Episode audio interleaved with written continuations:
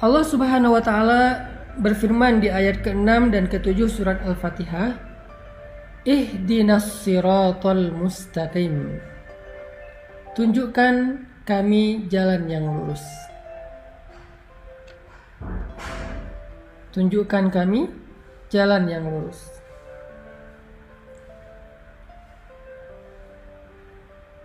Saya menyampaikan di pertemuan sebelumnya bahwa surat Al-Fatihah itu adalah Ummul Quran. Ibunya Al-Quran 30 juz. Sehingga apa yang ada di dalam Al-Quran dari Alif Lam Mim sampai surat An-Nas itu semuanya dikandung maknanya di dalam tujuh ayat surat Al-Fatihah. Semuanya dikandung di dalam tujuh ayat surat Al-Fatihah. Jadi dia tujuh ayat tetapi ada di dalam sekian ribu ayat Al-Quran. Makanya disebut dengan Ummul Quran atau disebut juga dengan As-Sab'ul Masani, tujuh ayat yang diulang-ulang. Salah satu di antara makna tujuh ayat yang diulang-ulang selain diulang-ulang di dalam sholat juga berarti diulang-ulang penjelasannya, diulang-ulang pemaknaannya di dalam ayat-ayat yang lain di seluruh ayat Al-Quran. Ini ajaibnya surat Al-Fatihah. Makanya saya selalu bilang, siapa yang membaca surat Al-Fatihah, maka seperti membaca 30 juz Al-Quran. Keutamaannya kayak gitu. Termasuk ayat ke-6 ketika Allah berfirman, Ihdinas siratal mustaqim. Tunjukkan kami jalan yang lurus. Jadi di sini teman-teman kita berdoa agar Allah tunjukkan kita jalan yang lurus. Kita minta ya Allah beri kami petunjuk. Tunjukkan kami jalan yang lurus. Gimana caranya kami hidup? Gimana caranya kami uh, mengisi hari-hari kami? Gimana caranya kami bisa pulang kepadamu dalam keadaan selamat? Gimana caranya agar kami bisa sampai kepada Engkau? Gimana caranya agar kami tidak salah jalan? Tunjukkan kami jalan yang lurus. Apa pelajarannya di sini, teman-teman? Ketika kita meminta kepada Allah untuk ditunjukkan jalan yang lurus, di sini tuh ada sebuah pengakuan kalau kita nggak tahu jalan. Di sini tuh ada sebuah kesadaran self awareness kalau kita itu merasa bodoh, kalau kita tuh merasa nggak tahu apa-apa, Allah lebih tahu, Allah lebih berilmu, Allah lebih maha mengerti, Allah lebih uh, bijaksana. Kita tuh bodoh, awam, nggak tahu apa-apa. Di sini sebuah iktiraf, sebuah pengakuan. Sehingga kalau ada orang yang membaca ayat ihdinas siratal mustaqim, tetapi dia merasa lebih tahu daripada Allah, berarti dia belum membaca ihdinas siratal mustaqim. Apa pun bidang ilmu yang kita kuasai, kita tuh bodoh, teman-teman. Apa pun keahlian kita, kita tuh awam. Jangan ketika kita diberikan sedikit ilmu oleh Allah, menjadi seorang saintis, menjadi seorang dokter ahli, menjadi seorang profesor, menjadi seorang konsultan dan seterusnya, kita merasa lebih tahu daripada Allah. Itu nggak ihdinas siratal mustaqim. Ketika kita menjadi seorang desainer, kita merasa lebih tahu fashion pakaian yang lebih baik daripada fashion style yang Allah udah jelaskan di dalam Al-Quran. Itu nggak ihdinas siratal mustaqim. Orang yang benar membaca ihdinas siratal mustaqim itu ketika dia baca ihdinas siratal mustaqim, Ya Allah tunjukkan kami jalan yang lurus. Pada saat yang sama dia ngerasa bodoh. Dia ngerasa nggak tahu apa-apa. Dia ngerasa nggak ngerti apa-apa dan dia jujur minta petunjuk dari Allah yang kalau Allah beri petunjuk dia akan ikuti. Itu baru benar membaca Al-Fatihah. Itu baru benar membaca ihdinas siratal mustaqim. Tapi kalau dia baca idinas siratal mustaqim, ya Allah tunjukkan saya jalan yang lurus. Lalu Allah tunjukkan jalannya tentang masalah finansial. Bisa jadi kita seorang konsultan finansial. Bisa jadi kita seorang uh, ahli ekonomi. Bisa jadi kita seorang bankir. Bisa jadi kita seorang apa misalnya trader uh, yang main saham dan seterusnya. Kita baca ihdinas siratal mustaqim lalu Allah tunjukkan petunjuk Allah tunjukkan jalan yang benar dalam masalah finansial. Salah satunya adalah janganlah kamu makan dari hasil riba. Janganlah kamu mempraktekkan riba. Terus kita bilang, wah ini sistem sebetulnya sehat buat ekonomi kita. Sebetulnya sistem riba itu nggak murni bermasalah sih secara finansial tuh bagus. Asalkan kita bijak mengelolanya dan segala macam berarti kita belum membaca ihdinas siratal mustaqim. Berarti kita belum benar-benar menyadari kalau kita tuh bodoh, Allah lebih tahu. Rabbi, ana jahilun wa anta alimun. Ya Rabbi, saya itu bodoh dan engkau maha tahu. Makanya saya bertanya kepadamu, makanya saya meminta kepadamu, ihdinas siratal mustaqim. Kalau kita bertanya kepada seseorang, terus kita membantah, kira-kira apa pendapat orang tentang itu? Berarti kita nggak bertanya, kita sok tahu, atau kita mengetes dia, atau kita keras kepala dan seterusnya. Makanya kalau kita baca idinas siratal mustaqim yang benar, hakut tilawah, kita mulai dengan self awareness. Kita mulai dengan kesadaran tauiyah, wa'yun nafs, kesadaran diri.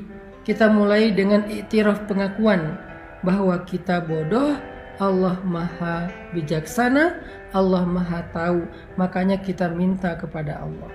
Makanya kita bertanya kepada Allah. Makanya kita memohon kepada Allah.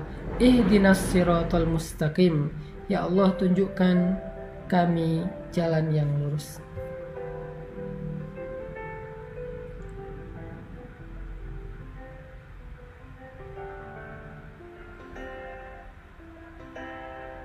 Itu poin pertama dari ihdinas siratal mustaqim.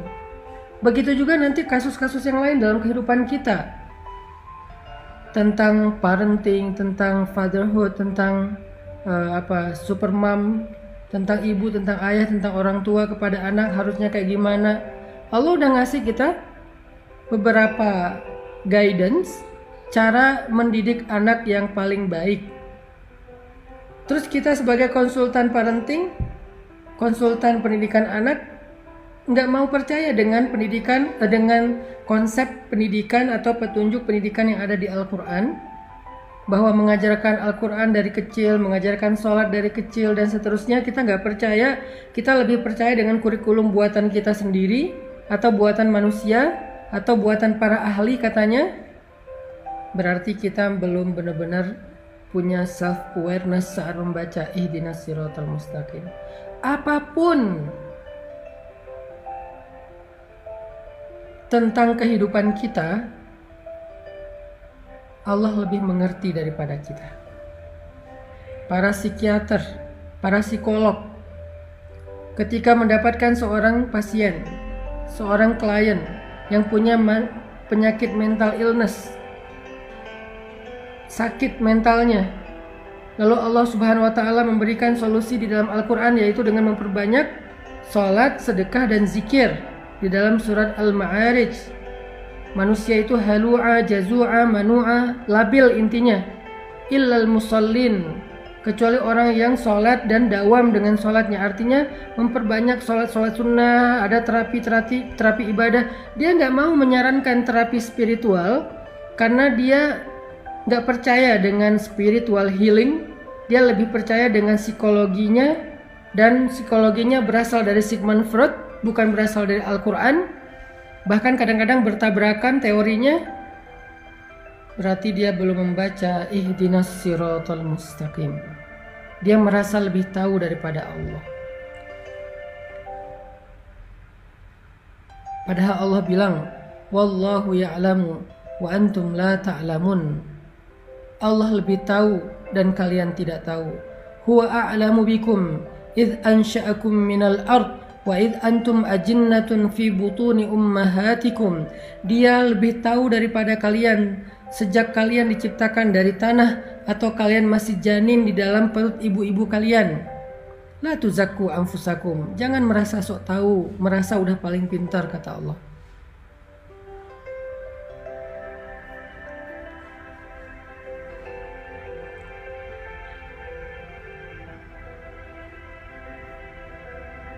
Jadi poin inti dari ihdinas siratal mustaqim yang pertama adalah kita membaca kalimat doa ini, membaca ayat ini sambil membangun uh, al-wa'yul wa'yun nafs, membangun self awareness, kesadaran dalam diri kita. Kesadaran tentang apa? Nahnu juhala wallahu alimun kita ini jahil, kita ini bodoh, dan Allah itu maha tahu. Kita baca ayat ini, baca doa ini dengan sebuah iktiraf, dengan sebuah pengakuan, dengan sebuah uh, ya uh, keyakinan bahwa kita itu butuh Allah untuk menunjukkan jalan hidup kita. Sehingga nggak boleh kita lebih tahu dari, merasa lebih tahu dari Allah baik masalah pribadi kita dalam hidup maupun masalah keluarga atau masalah sosial, masalah bangsa, masalah politik, masalah ekonomi, masalah dagang, masalah sains, apa pun dari yang paling kecil sampai yang paling besar, kita merasa diri kita bodoh dan Allah itu yang maha tahu. Kita merasa diri kita itu awam dan Allah maha bijaksana. Sehingga kita meminta dengan sungguh-sungguh dan tulus ihdinas siratal mustaqim. Ya Allah, tunjukkan saya jalan yang lurus. Tunjukkan saya jalan untuk mendapatkan jodoh yang engkau ridhoi. Kata Allah, la taqrabuz zina. Jangan pacaran. Kok la taqrabuz zina terjemahannya jangan pacaran? Ya, karena pacaran itu adalah langkah-langkah mendekati perzinaan. Mungkin nggak nikah menjadi perzinaan? Nggak mungkin karena nikah itu justru menutup pintu zina.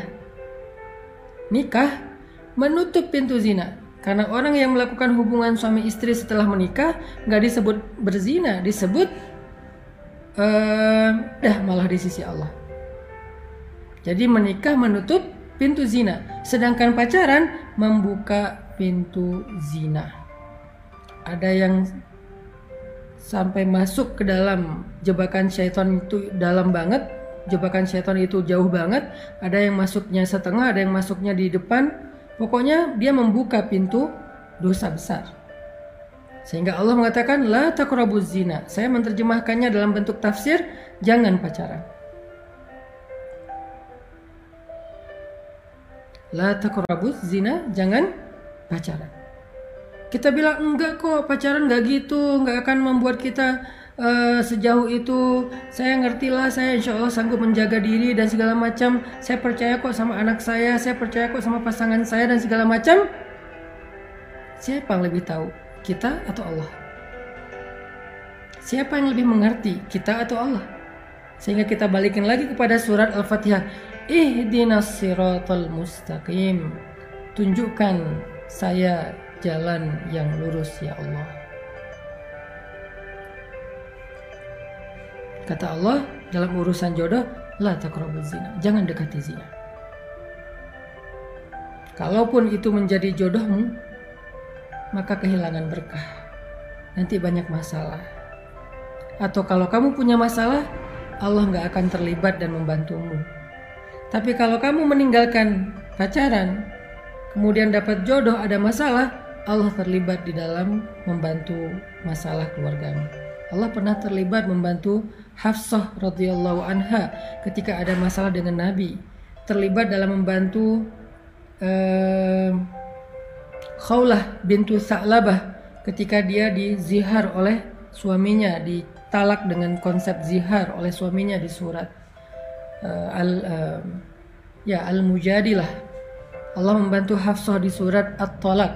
Allah membantu Sayyidah Aisyah di dalam surat At-Tahrim dan banyak lagi ayat-ayat Allah terlibat membantu permasalahan rumah tangga Nabi dan para sahabat. Kenapa Nabi Allah sampai turun tangan dalam masalah rumah tangga? Karena mereka memulai rumah tangga itu dengan cara yang Allah ajarkan, dengan petunjuk yang Allah tunjukkan. Ihdinas siratal mustaqim. Tapi ketika dia memulai rumah tangga itu bukan dengan cara yang Allah ajarkan, bukan dengan petunjuk yang Allah turunkan, nanti ketika ada masalah, Allah nggak akan terlibat. Dan itu hak Allah. Kita nggak melibatkan Allah kok dari awal. Kenapa kita maksain Allah terlibat di tengah atau di akhir? Kan nggak fair dong.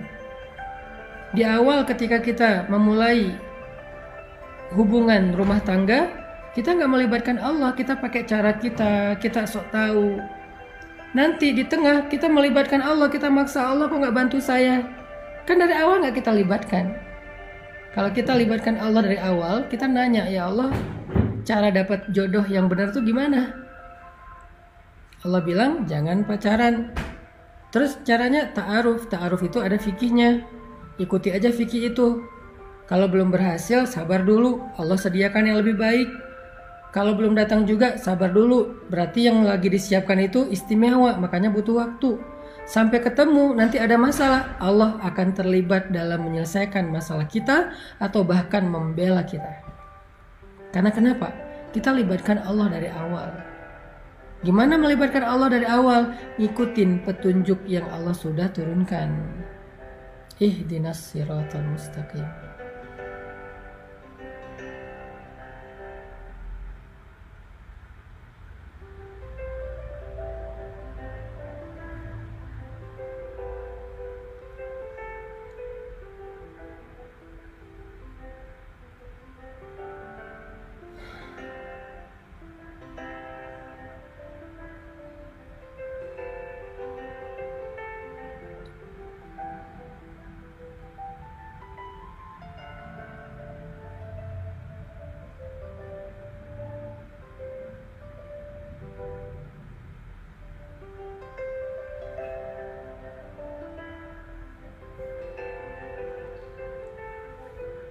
Itu poin pertama teman-teman tentang ihdinas siratal mustaqim